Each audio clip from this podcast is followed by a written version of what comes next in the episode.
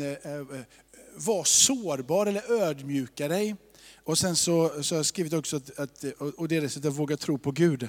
Jag tycker nog ändå när jag står här och pratar att Bro var inte Bro Duktig låter bäst. Jag tycker nog så, det får bli rubriken. Eh, vi börjar med en bibelvers. Jag ska försöka att inte läsa så mycket eh, bibel här idag, men predikan kommer innefattas utav, utav ganska mycket bibel. Jag ska försöka berätta de berättelserna istället. Ibland så är det så här med, med dig och mig att vi, ehm, vi har en tendens, alltså jag har ett problem med mig själv, och det är att jag, jag är en ganska stolt figur. Eh, alltså jag har svårt att säga förlåt. Min fru och mina barn har jättelätt att säga förlåt. Eh, men jag personligen har ganska lång väg. Men jag försöker träna på det så att det inte är så att jag är helt orimlig och aldrig gör det. Men, men det är, det är liksom en lite längre väg för mig än för övriga familjen.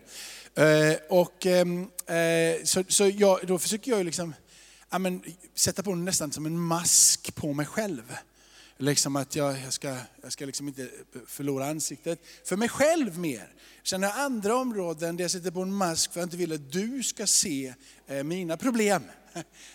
Vad jag kämpar med, eh, vad som eh, jag har för några svårigheter. Och så lägger jag på en, en, liksom en, en mask där och försöker skydda, skydda mig ifrån dig. Men det mest sorgliga jag har, det är när jag sätter på och försöker skydda mig själv för Gud. Där jag faktiskt ibland har en tendens Eh, nästan som att jag, jag vet på något sätt någonstans långt in, säkert du också, att Gud vet allt och att han ser allt. Men jag försöker nästan sätta upp en mask inför honom. Jag ska klara mig själv. Jag ska visa att det här reder, det här reder jag ut. Eh, när jag så många gånger står här och när jag ber själv och när jag läser Bibeln, säger här, läser och ber att jag ska böja mig vid korset. Men så många gånger så har en tendens av att jag ska klara det själv. Jag tror att vi har fått förmågor, kunskaper, klokhet, vishet, insikter, kunskaper, allting utav erfarenhet av livet som vi ger. Så vi har mycket som vi kan göra själv. Men att komma till platsen där man fullständigt kapitulerar inför Gud och säger, jag är svag. Jag orkar inte det här. Jag kan inte det här. Jag, har, jag ser inte någon väg framåt. Och så blir jag så glad för Paulus, en av mina stora förebilder och hjältar i Bibeln, han har skrivit väldigt, väldigt, väldigt, väldigt, väldigt mycket och väldigt bra. Så här står det från andra Korintierbrevet. Det försiggår utav bland annat att han har bett en bön om att han ska bli befriad från någonting som han säger att han har en törntagg. Och han har bett tre gånger och Gud har inte svarat honom och, eh, att, och har inte tagit bort den här törntaggen, men han säger, men han svarade mig, alltså Gud, svarar honom. Typ, jag tänker inte ta bort den där törntaggen, men en sak ska du veta Paulus, min nåd är nog för dig. För min kraft, Paulus, den fullkomnas i svaghet. Därför så säger Paulus, därför vill jag hellre berömma mig av min svaghet för Kristi, Kristi kraft ska vila över mig. Och därför så glädjer jag mig över svaghet. Han gläder sandel över nöd, förföljelse och ångest för Kristi skull. För när jag är svag, då är jag stark. Jag tänker i dessa tider utav mycket av depression, och man pratar och försöker att eh, liksom, man kanske mer försöker medicinera, man pratar i och för sig, men man försöker lägga det som har med depression och ångest i ljuset tydligare än någonting innan. Till och med män liksom har, ju, har ju fått lätt att börja prata om det som är jobbigt. Så man har kommit en bit på, en bit på vägen. Men ångest, Paulus är ett uttryck för att själen är i knipa, att det är tungt på insidan. Det är inte så där lättsamt som det borde vara. Han kanske inte skulle säga att han var liksom deprimerad om du är det, eller att han har liksom panikångest och så. Men det finns någonting på insidan av hans själ som är tilltryckt, som inte är lättsamt, som, som bär ett ok över sig. Och han ser det som en starkhet. Han säger att det innebär att jag klarar mig inte själv. Jag klarar mig inte själv. Jag behöver inte vara stark, jag behöver inte vara mäktig, jag behöver inte vara en hjälte. Jag behöver inte sätta på masken av att ingenting kan komma åt mig. Utan jag inser att när jag mår på det här sättet så är min tillflykt Herren och när jag är på den platsen så är jag stark. Jag lär mig vara helt beroende av honom. Så var inte Bror Duktig. Det kommer inte hjälpa dig speciellt långt. Bror Duktig kanske till och med skulle få åka pipsvängen. Är det någon som säger, vad är det Emil som säger pipsvängen? Vad sa du? Pipsvängen, ut härifrån, långt borta. Jag tror att en sak som kan hjälpa dig att inte vara produktig, det är att låta dig få bli sårad ibland. Det är att böja sig ibland. Det är att ge upp ibland. Ge, ge upp ibland. Eh, allting i livet som du går igenom. Om du skulle gå igenom livet och försöka imponera på alla människor. Om du skulle gå igenom hela livet att visa att du är stark. Kanske till och med alltid för dina barn. Det vore rätt vackert om du till och med inför dina barn ibland grät och sa att livet är rätt jobbigt. Kanske är det så att till och med dina barn efteråt kommer att tycka att när min pappa grät och sa att det var livet var jobbigt, det var då jag lärde mig som mest av min pappa. Inte när min pappa var stark hela tiden och liksom, det finns ingen som är så stark som min pappa. Det var inte då jag lärde mig som mest. Alla genombrott, alla gånger som han hade det bästa situationerna och hjälpte mig in på den vägen och lyckades med det här och blev professor eller vad det nu än var. Utan när pappa satt och grät och sa jag orkar inte mer, då jag lärde mig som mest av min pappa.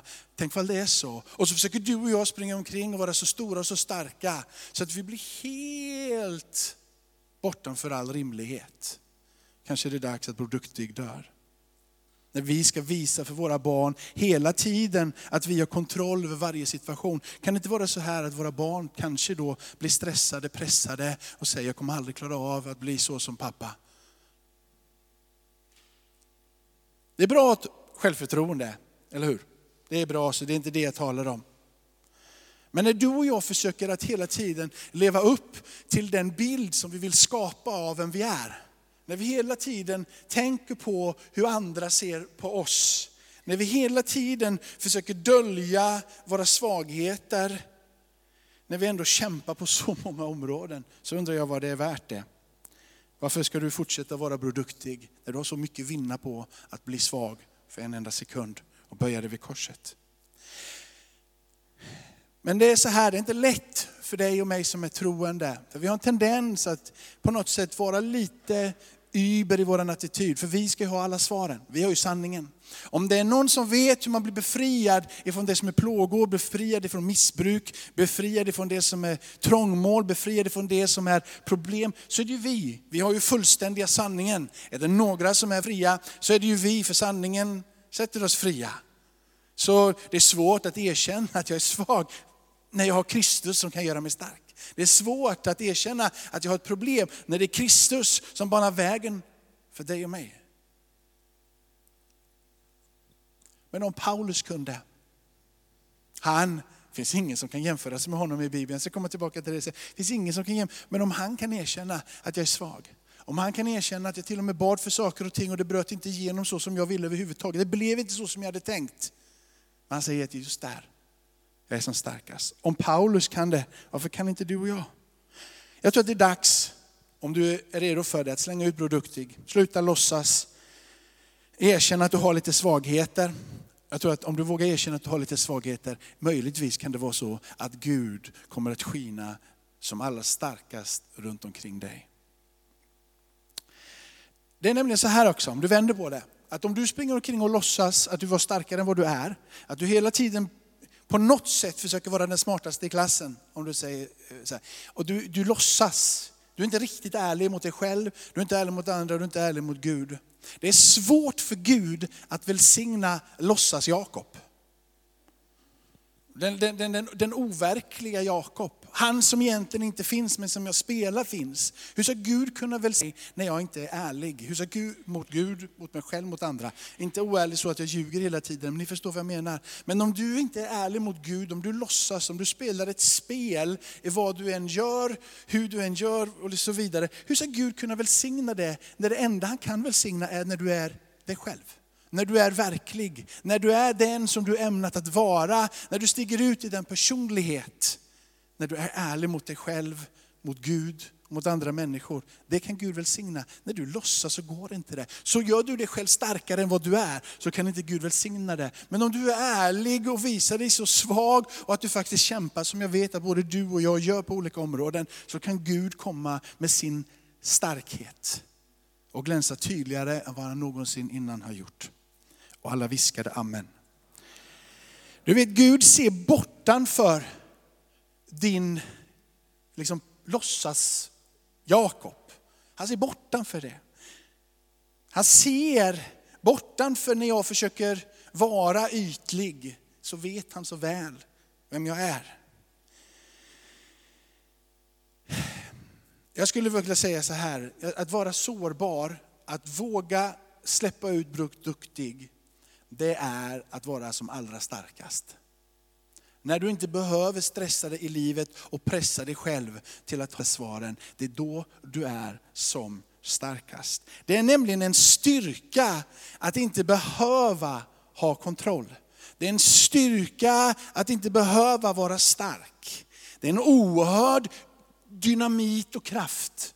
För du får bort ett ok av att hela tiden vara den som har det sista ordet. Den som hela tiden är den som har de finaste kläderna, den största bilen, den bästa utbildningen eller vad det nu än må vara. Det är en oerhörd press som släpper. Att få vara verklig. Eh, du kanske tänker så här då, ja, men om jag ska börja bli verklig på det här, för det här låter ju så otroligt bra. Och det, det vill, jag vill inte vara Bror Duktig då, för då känner, jag vill inte det. Jag vill sluta med det här just nu. Så är det ju en sak som, som är problem för mig då, det är vad ska alla andra säga om mig? Eller hur? Jag vill ju det här, jag vill verkligen, liksom, men vad i hela världen ska Cissi tycka om mig om jag inte har alla svaren längre? Vad ska Cissi tycka om mig? Kommer jag vara mindre värd i henne och i era ögon och min familjs ögon och mina barns ögon om jag gråter framför dem? Min fru om jag säger att jag inte orkar allting som hon vill att jag ska, vad det nu än må vara. Vad, vad händer? Förlorar jag mitt värde? Är jag rädd att de ska tycka att jag är mindre? Du vet att, eller är det så framför vännerna på det sättet? Inte bara familj men vännerna. För jag säga, för att vara lite oförskämd, på riktigt spelar det någon roll riktigt vad du tycker om mig och vad jag tycker om dig? Spelar det egentligen någon roll? Det spelar någon roll för vi ska vilja väl. Vi ska skapa harmoni och atmosfär, så jag måste bry mig om vad Thomas tycker om mig, för annars blir jag bara oförskämd. Men egentligen, när det kommer till det här, att visa sin svagaste sida, spelar det egentligen någon roll då? Det gör inte det. Det finns en som har satt sitt värde på dig. Det finns en som vet allting om dig. Det finns en som har skapat dig, det finns en som har planerat dig. Det är han som vet morgondagen som har satt sitt värde på dig. Det är han som talar om vem du är. Det är inte de som är runt omkring dig som sätter ett mask på dig, eller du själv som sätter en mask. Låtsas Jakob. Värdet finns hos Gud. Och det är när du lär känna honom som du förstår. Människor som vill döma dig för att du gör dig svag, är inte ärliga mot sig själva. Människor som dömer dig för att du är svag är inte ärliga mot sig själva. De har minst lika mycket att brottas med som du har. Det är bara det att de orkar fortfarande hålla upp masken. De orkar fortfarande låtsas. De har inte riktigt gett upp än. Så människor som dömer är inte ärliga mot sig själva. Och de kämpar fortfarande med att vara lika svaga som dig, men fortfarande har de kraft att hålla upp masken, vara starka. När det bästa borde både för dem och för oss, att vi böjer oss. Blir det för tungt eller? Nej, vi ska komma ut på andra sidan med lite glädje sen.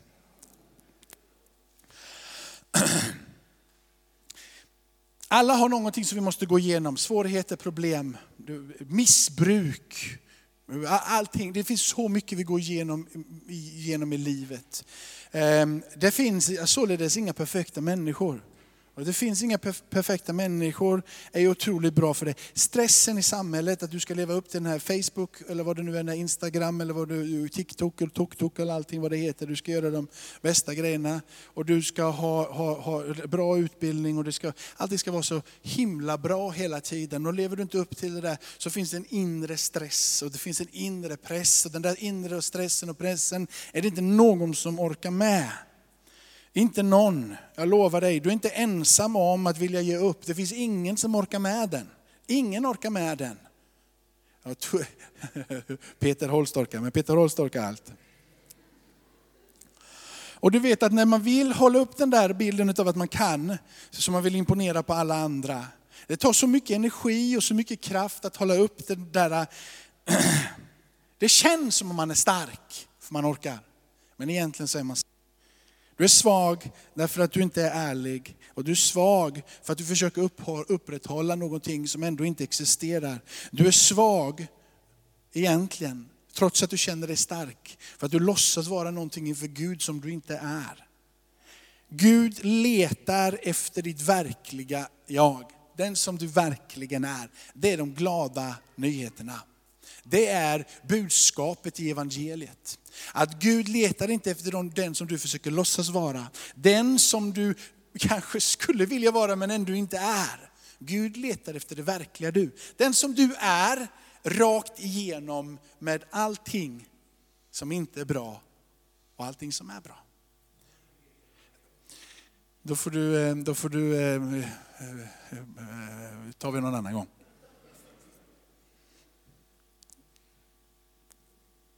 Då är det så här. Paulus säger så här också. Nej, jag har inte skrivit upp den där. Jag vill ta en, en text till. Paulus säger så här i Filipperbrevet 3. Jag har tagit den här, eh, jag har tagit min, jag, jag har nog skrivit, skrivit från en annan version än folkbibeln. Men kapitel 3, vers 12 och 13. Paulus talar om liksom, vad det är han har förstått om Gud och växa upp i förståelsen om Kristus och vad, vad, vad, liksom, vad livet med, med Jesus är. Han säger så här ungefär då i en parafras till det som står i Apostlagärningarna. Jag menar inte att jag begriper det bättre än alla andra. Jag menar inte att jag begriper det bättre än alla andra. Men jag har blicken fäst på målet. Och där står Gud och han hejar fram oss. Han hejar fram oss mot Jesus. Jag har startat, jag är på banan och jag tänker inte ge upp. Det är vad det står där. Jag gillar det här. Jag menar inte att jag griper det bättre än alla andra. Det är Paulus som säger det här. Paulus, han som har skrivit merparten av nya testamentet. Paulus som talade flera språk, de säger upp till fem språk, så det, är väl olika som säger, det är väl någon som kommer fram så att han talar tio språk, men, men det är många språk i alla fall. Han är lärare, han är kunskapsmässigt oerhört intellektuell och framstående. Han eh, har både förmögenhet, han har rätt mycket som han har gjort också för evangelium när det kommer till helande, under tecken. Han har etablerat kyrkor liksom runt omkring i romarriket. Han är den stora aposteln. Han skriver det här så han är inte helt purung heller, utan han har fått gjort ett och annat. Han är en högtände man. Han skriver till exempel inledningsvis i Galaterbrevet att han har tagit emot uppenbarelsen om vem Kristus är, vad Kristus har gjort från honom själv. Jag har tagit emot den här uppenbarelsen från honom själv. Han säger också innan från eh, andra Korintierbrevet kapitel 12, när vi var inne där, han skriver om en hög utomordentlig uppenbarelse. Han pratar om sig själv som en tredje person som har varit uppe i himlarna. Han talar om att han har tagit emot sådana höga kunskaper och uppenbarelser, så det är svårt att redogöra för det fullt ut. Han säger mer eller mindre, jag skulle kunna förhäva mig och säga att det finns ingen som har så höga uppenbarelser som jag. Ungefär så. Och så säger han, jag menar inte att jag griper det bättre än alla andra. Jag har blicken fäst på målet. Och där står jag. Och Gud hejar fram mot Jesus. Han säger Paulus att jag har startat. Han säger jag är på banan. Och han säger jag tänker inte ge upp. Det är att vara verklig. Jag har startat, jag är på banan och jag tänker inte ge upp. Vet du vad han skriver till sin adept, till Timoteus, när det finns nog inte så, det är nog inte jättelång tid innan han ger upp andan och slutar leva och får flytta hem till Herren. Men ett av hans sista rader som han skriver till Timoteus, efter allting som han om, utan har varit stenad, fått rapp, blivit förföljd efter att själv varit en som förföljer, så skriver han det stora är, efter alla helande under och tecken, skeppsbrott och allting vad det vara, så säger han, jag har blivit bevarad i tron.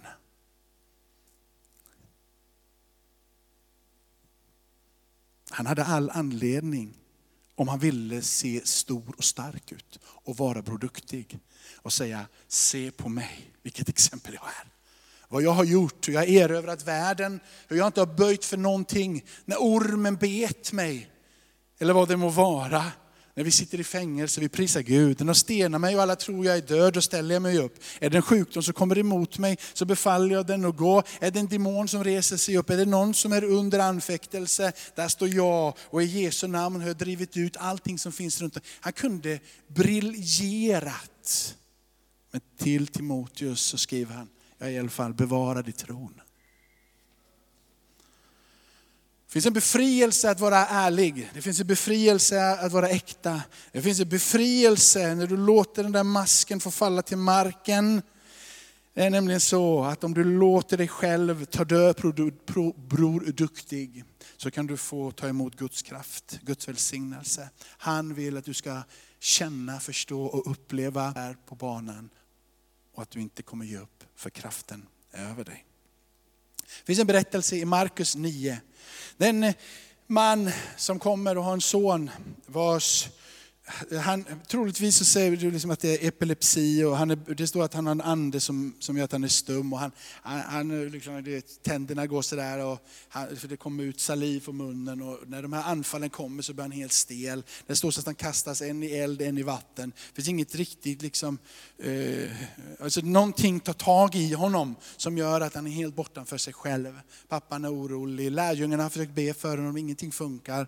Eh, så nu kommer de i slutändan till Jesus säger, vad kan jag göra för dig?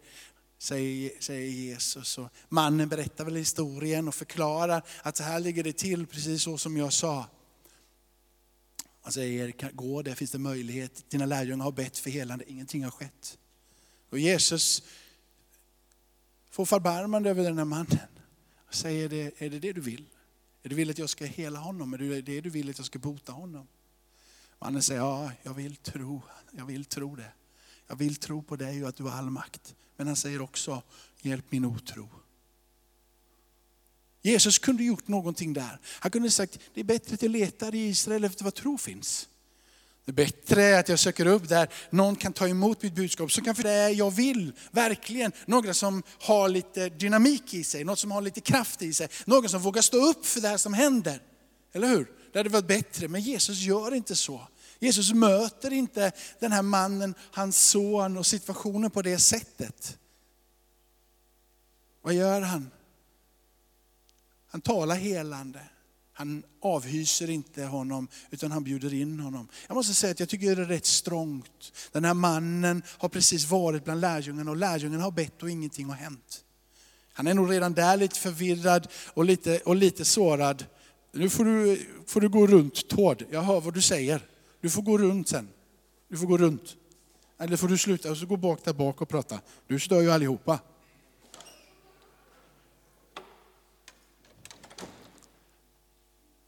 Tord, vi gillar dig. Men kan prata någon annanstans. Vad var jag?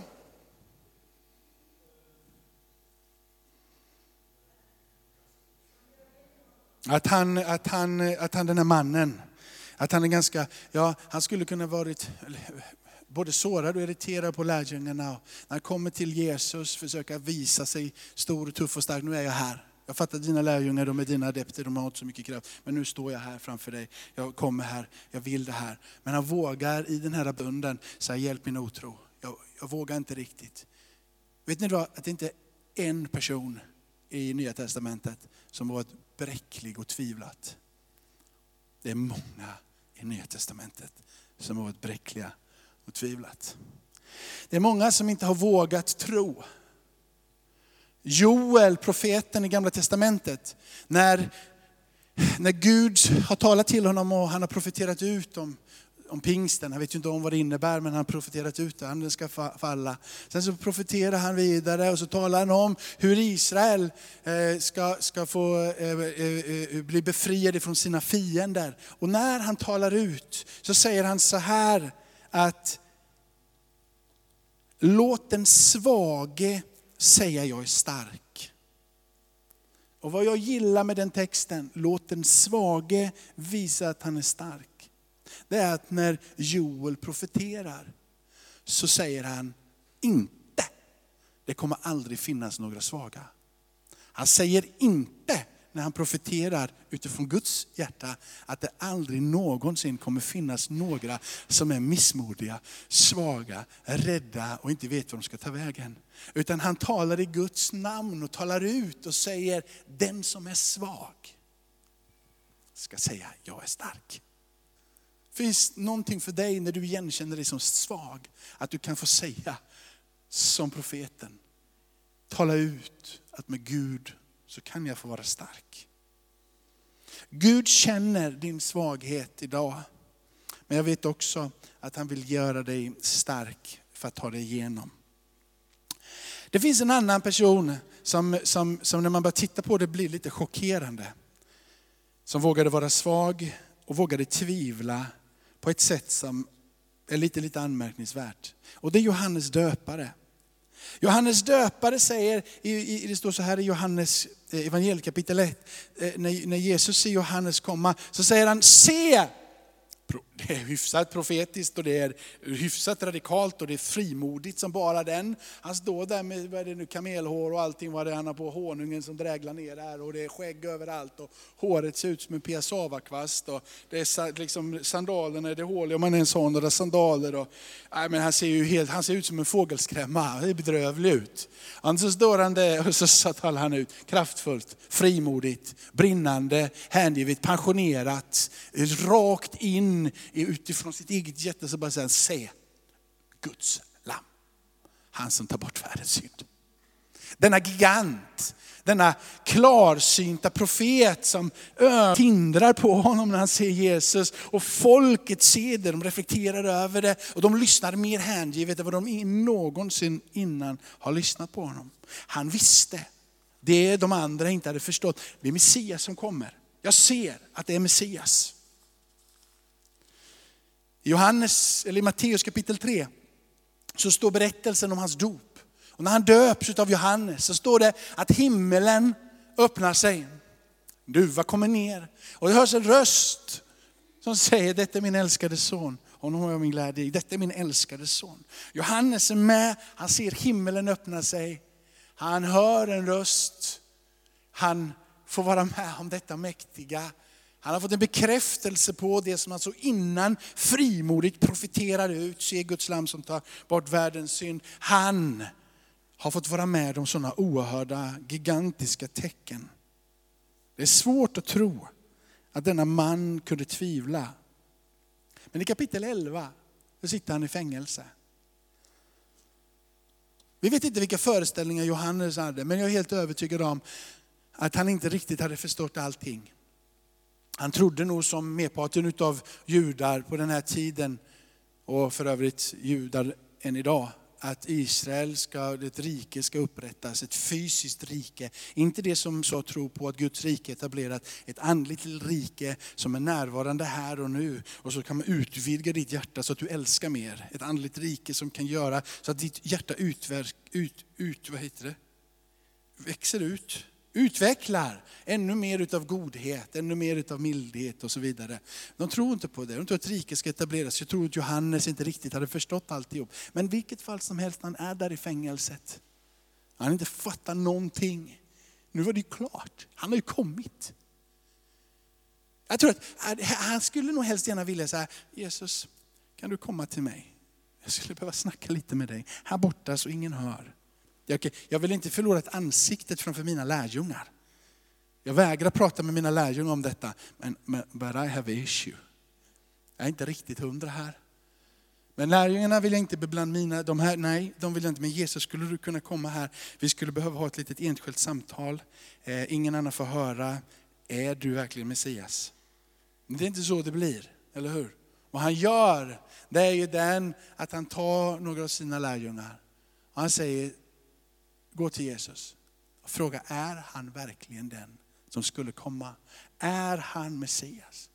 Han väljer att vara svag, han väljer att vara bräcklig, han väljer att inför sina egna lärjungar, de som hade hört han säga, Messias, se Guds lam som tar bort världens synd. De som hade varit med och sett himlen öppna sig och alla detta mäktiga som hade varit runt omkring. Tvivlar Johannes? Är Johannes döpare, är inte han riktigt säker längre? Och så börjar snacket gå ibland lärjungarna, oh, jag är inte heller säker längre. Jag vet inte längre vad jag tror på. Och så skulle tvivlet och otro och liksom hela den här, bara, det här är nog inte riktigt rättet som håller på att hända. Växa, växa till sig. Vad var det som skulle hända? Men Johannes är inte rädd. Han förstår att det bästa är att vara ärlig inför Gud. Att vara bräcklig inför Gud kommer aldrig skada någon. Att vara bräcklig inför Gud kan göra, bara göra Gud större och oss mindre. Så han tar lärjungarna och säger, jag måste bara få veta. Kan ni gå till Jesus? Kan ni fråga honom om han verkligen är den som skulle komma? För jag vet inte om jag vågar tro. Lärjungarna går till Jesus. Och de möter Jesus. Och Jesus säger, gå tillbaka till Johannes och säg till Johannes, blinda får sin syn lama går, spetälska blir rena, döva hör, döda uppstår och för de fattiga predikar glädjens budskap. De går tillbaka och de berättar och Johannes döpare blir stärkt i sitt tvivel, får tillbaka tro och säger yes, han är Messias. Jag tror. Du vet att om Paulus kunde tvivla och vara svag, om Johannes kunde vara svag och tvivla, om människorna i Nya Testamentet som har sett så många tecken och varit så närvarande kunde tvivla, så är det helt okej okay att du ibland också ifrågasätter. Vad är det som sker egentligen? Vad är det som händer? Men Paulus säger att jag är, jag har startat, jag är på banan. Han säger jag har inte gett upp. Det finns en väg framåt. Det finns en resa framåt tillsammans med Gud, där jag kan få vara verklig och där Gud kan välsigna mig för att jag har slutat att låtsas. Där Gud kan resa mig upp, trots att jag är halt på några områden i mitt liv, så kan jag vara styrkt och stärkt på så många andra områden. Jag kan gå fram i livet utan att behöva vara rädd för mina svagheter. Jag behöver inte vara rädd för det som är mina problem. För jag vet att jag har en Gud som kommer hjälpa mig bort ifrån det missbruket som har hållit mig fången i så många år. Inte bara för en vecka, inte bara för en månad, utan han befriade från det missbruket som har varit en svaghet och en rädsla och en kamp för mig, kommer befria mig bort ifrån det och ta mig vidare tillsammans med honom. Det är nämligen inte jag som ska bli befriad ifrån mitt missbruk, det är Gud som befriar mig ifrån mitt missbruk. Och inte bara befriar han dig och ger måltid bort ifrån, han kommer också att ge dig en måltid för det som ska komma. Han är inte bara den som tar bort dig, han är också den som insätter dig. Om du har kämpat med ditt missbruk, erkänn att du har någonting som är fel. Erkänn att du har problem med dina relationer. Erkänn att du har problem med din ekonomi. Erkänn att du har problem med hur du tänker. Erkänn att du har problem med vad det är du säger. Erkänn att du har ett problem. Var svag och våga låta Gud få resa dig upp och visa dig en väg framåt som överträffar allting annat du har varit med om. Guds välsignelse mitt i svagheten. Han bankar på, han reser dig upp, han tar dig vidare. Och allt folket sa Amen.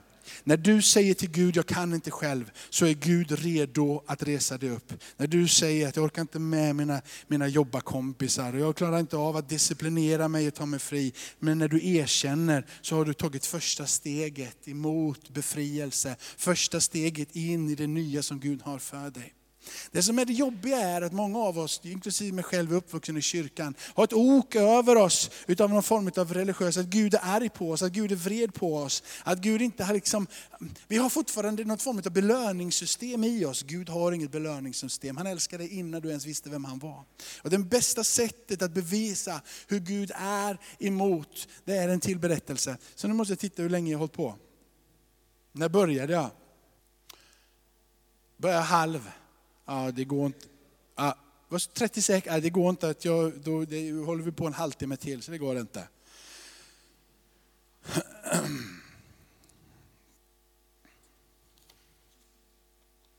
Det går inte ser du.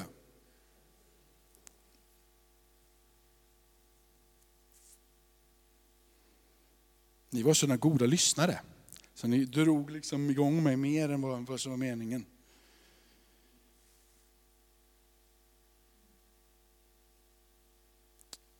Ja.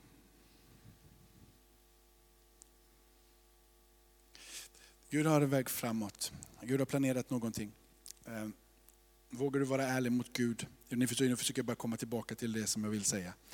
Så ehm, Det som vi har, det är att vi, vi har en rädsla för ehm, vi har, vi har en rädsla för att vi inte duger. Vi har en rädsla för att du och jag inte blir accepterade. Och det är så att eh, kyrkan har lagt det på oss ibland som religion, men framförallt har människor talat om för oss att vi inte riktigt duger.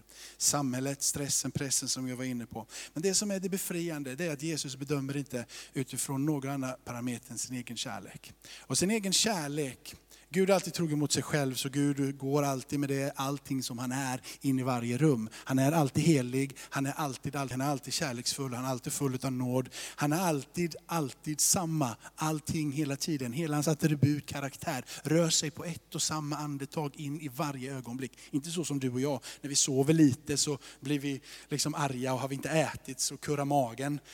För Gud kommer konstant, alltid, oberoende av omständigheter så är han alltid densamma ständigt redo att omfamna dig och ge dig nytt liv, hopp och en framtid. Så när du känner att du är skuld och skam och inte du vågar resa dig upp, så är det så att Gud vill Gud bara att du ska veta vem han är. Inte så mycket vem du är. För det intresserar inte Gud så mycket just då. Men Gud är så stor och så stark så att han vill ta dig från det som idag dömer dig och fördömer dig av dig själv, av dina masker. Inte av de här sakerna att du behöver vara svag för att bli upprest. Utan de andra sakerna som tränger sönder dig, som aldrig du kan bli fri från, annat när du förstår vem Gud är. Det är det Gud vill göra. Det är det som Paulus, eller Jesus säger till Nikodemus. Du måste ta emot anden. Du måste ta emot Guds rike. Du måste bli född på nytt. Anden kan bekräfta vem Gud är. Det är det sen som är orimligt att förstå, som Jesus sen demonstrerar ett kapitel senare. Nikodemus i Johannes kapitel 3 och i kapitel 4 så demonstrerar han vad han precis har sagt i kapitel 3 när han möter kvinnan vid Sykars brunn. Jag körde på lite. Men när han möter den här kvinnan så är det en intressant sak som händer. För hon bestämmer sig för att det är slut med den tiden då jag inte är mig själv. Jesus möter henne där vid fler tidpunkt. Allting talar för att hon antingen att hon i alla fall inte är speciellt omtyckt i byn. Hon rör sig vid en tidpunkt i brunnen som är bortanför all rimlighet, mitt på dagen när det är som varmast. Man gör det tidigt på morgonen. Mitt på dagen är det ingen annan där så hon kommer dit. Hon är utstött, ingen vill veta av henne. Hon har haft fem, fem män och den mannen hon har nu, den är inte ens hon gift med. Allting talar för att byn, hon är byns stora skvallerämne. Ingen gillar henne, inte ens hon själv gillar sig själva. Hon har börjat tala illa om sig själv. Hon inser att hon är förkastad så hon väljer väljer att komma när ingen annan. Hon aktar inte sig själv, hon föraktar sig själv. Hon har liksom ingenting av kurage kvar i sitt liv. Hon är död på insidan. Hon tror inte på sig själv, hon tror inte på människorna. Hon har ingenting längre. Så hon väljer att komma till en tidpunkt där det inte är någon där. Men Jesus är där. Jesus instruerar, talar om för henne att jag har ett levande vatten. Det här levande vattnet är ett vatten som gör att du aldrig någonsin ska törsta igen. Det är en brunn som aldrig tar slut. Det är en sinande källa som aldrig gör att du behöver gå vilse. Den där inre drivet och den där källan har jag här redo för dig. Men säg mig nu, säger Jesus, vem är du? Och det är då det härliga händer. Så får bli avslutningen på den här predikan. Hon hade kunnat välja att säga att jag ska bara gå hem en liten stund hämta den här mannen som jag har. Eller jag kan bara förklara för dig att så här ligger det till. Jag mår ganska bra. Det är inte så jobbigt. Jag, jag, jag kanske inte har det jättelätt, men det är inte så jobbigt. Det fungerar. Jag har ju i alla fall någonstans att bo. Jag har mat. Hon kunde valt att säga till Jesus vad hon ville. Men när hon ser Jesus ögon och känner den kärleken som finns i hans rike. Ett andens rike som tränger in och träffar hjärtat och förvandlar och mjuknar upp det som är stenhårt och taggigt. När hon ser hans ögon så kan hon inte drista sig annat än att säga, ja, mitt liv kanske inte är så lätt. Fem män har jag haft och den jag har nu, det är inte min man. Ja, det är skit. Det är katastrof. Jag är redo att ge upp. Jesus tittar på henne och säger, du har rätt. Det du säger är sant. Men jag ska tala om för dig att det jag har att ge är boten för allting det där. Jag är, jag är. Bara han för henne. Detta rike denna närvaro, denna frälsning, detta hoppets evangelium, detta budskap som är för den sargade ska kunna bli glad igen. För den döde ska kunna få liv igen. För den som är vilsen ska få kunna hitta hem igen. Den som är i mörker ska få tillbaka ljuset. Sker just där och då. Hon säger, det är någonting med den här mannen. Hon blir förvandlad i ett enda nu. Kanske vågar vi sluta vara produkter, kanske vågar vi idag sluta vara nedvärderande mot oss själva. Sätta ok och krokben för oss själva. Eller masken av att allting är i kontroll. Kanske vågar vi idag komma till korset, komma till Jesus och ge upp. Och bara säga, här är jag Gud. Jag ger allting till dig. Res mig upp ifrån min svaghet och låt mig få skina i den här världen för ditt namns skull. Och allt folket sa Amen. Tackar dig Fader i himmelen att vi får, eh, att vi får eh, tala ut ditt ord. Vi har läst det, vi har talat ut det, vi, jag har predikat och försökt att, att liksom lägga fram texten som ska eh, till livsförvandlande ögonblick. Men bara du Gud med din ande kan göra det verkligt. Bara du Gud, och när du väljer att kan förvandla och tränga in och göra nytt. Så jag ber, när vi går in på slutet av den här gudstjänsten, sjunger några sånger, ge möjlighet för förbön. Kom med din ande och ge oss det där äh, mötet med dig som förnyar och förvandlar. Halleluja. Tackar dig Fader i himlen. Du har suttit länge och är ledsen att jag predikar. Ska vi stå upp tillsammans? Är det så att du vill bli frälst, det vill säga att ta emot Jesus, du är bevandrad med de här orden om du är en kyrka, frälst, du, be, be, eh, synden som gör att du inte kan se Gud. Synden som, som, som har gjort att du har blivit låst. Det går att komma till Jesus och säga, ja idag, idag Jesus, sa, med gråt eller bara med innerlighet, hur än känslorna kommer så går det faktiskt att komma till Jesus och säga, Jesus, jag vill lägga mitt liv, min synd på dig. Det går att säga, låt ditt blod rena mig från all synd. Det går att säga min vän idag att Jesus, jag vill ha dig som frälsare. Men det går också, eller ännu mer att säga, jag vill ha dig som Herre, jag vill ha dig som kung. Om du är här och du hör min röst och någonting börjar röra sig på din insida, får du gärna där du är säga Jesus, fräls mig. Jesus, jag tror att du dog på ett kors. Tro att du uppstod. Jag lägger mitt liv i dina händer. Du är här och du har missbruk på ett eller annat sätt, eller bara begär som driver dig bort ifrån. Det går att komma till honom och säga, jag lägger mitt missbruk. Jag har försökt så många gånger själv och ja, jag vet att jag har bett till dig Gud. Jag vet att jag har gjort så här, men nu är det på allvar. Jag ska aldrig mer gå tillbaka dit. Jag ska bli en Paulus. Jag ska säga att jag har startat, jag är på banan och jag kommer att gå hela vägen. Bryt